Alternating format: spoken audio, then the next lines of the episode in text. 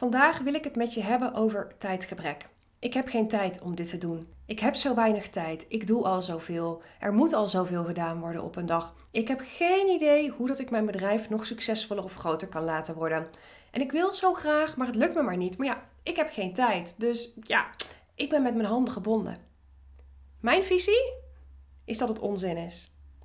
Iedereen heeft 24 uur op een dag. Niemand heeft meer tijd dan 24 uur in een dag. En waarom kan de een dan wel zo ontzettend veel werk verzetten en bereiken in die 24 uur en jij niet?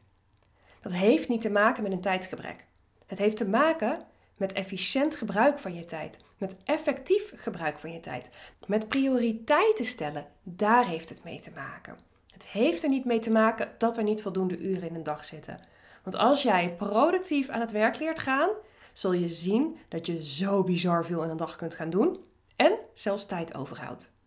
Maar je verschuilen achter het excuus ik heb geen tijd, als je dat excuus gebruikt, ja, dan zal het je ook niet gaan lukken. Dus als jij dat excuus gebruikt, wil ik je uitnodigen om daarmee te stoppen.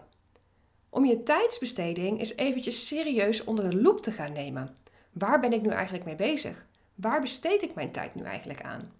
Je kunt ervoor kiezen om dat bij te gaan houden met een tracker. Dat je echt eens gaat kijken, waar gaat al mijn tijd nu eigenlijk heen? En vind ik dat oké of wil ik dat anders hebben? Wil ik meer tijd kunnen besteden aan mijn zichtbaarheid, aan mijn marketinguitingen? Oh ja, ik zie nu dat ik best wel heel veel tijd besteed aan mijn lunch.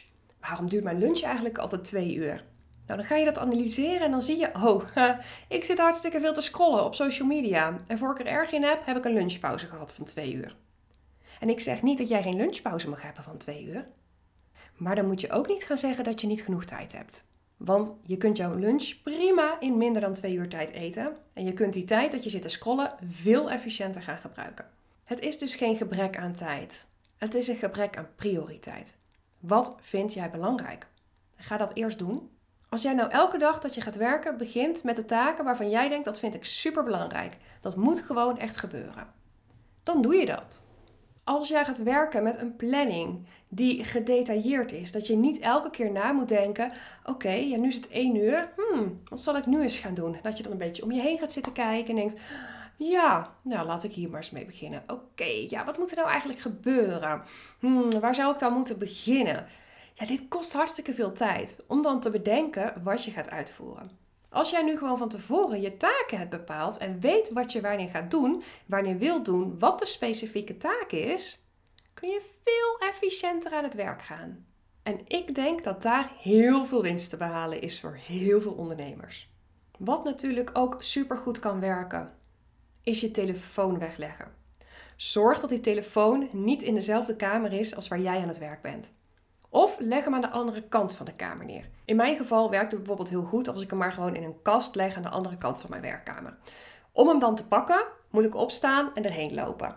Nou, in die tijd, dat is echt maar anderhalve meter. In die tijd dat ik moet opstaan en naar die telefoon gaan lopen, als ik dat wil doen omdat ik ja, even een beetje afgeleid ben of denk, oeh, moeilijke taak. Dat is voldoende om mij ervan te weerhouden om die telefoon te pakken. Ik kan hem dan uren links laten liggen. Ik ben wel zo eerlijk om te zeggen, als die hier naast mij ligt en ik ben heel even dat ik denk, poeh, wat zal ik nu gaan schrijven? Of mijn volgende content post die ik ga maken, dat ik heel even niet lekker uit mijn woorden kom. Ja, hoe makkelijk grijp ik dan naar die telefoon als die hier ligt? Ja, heel makkelijk. Maar mij zul je niet horen klagen over tijdgebrek.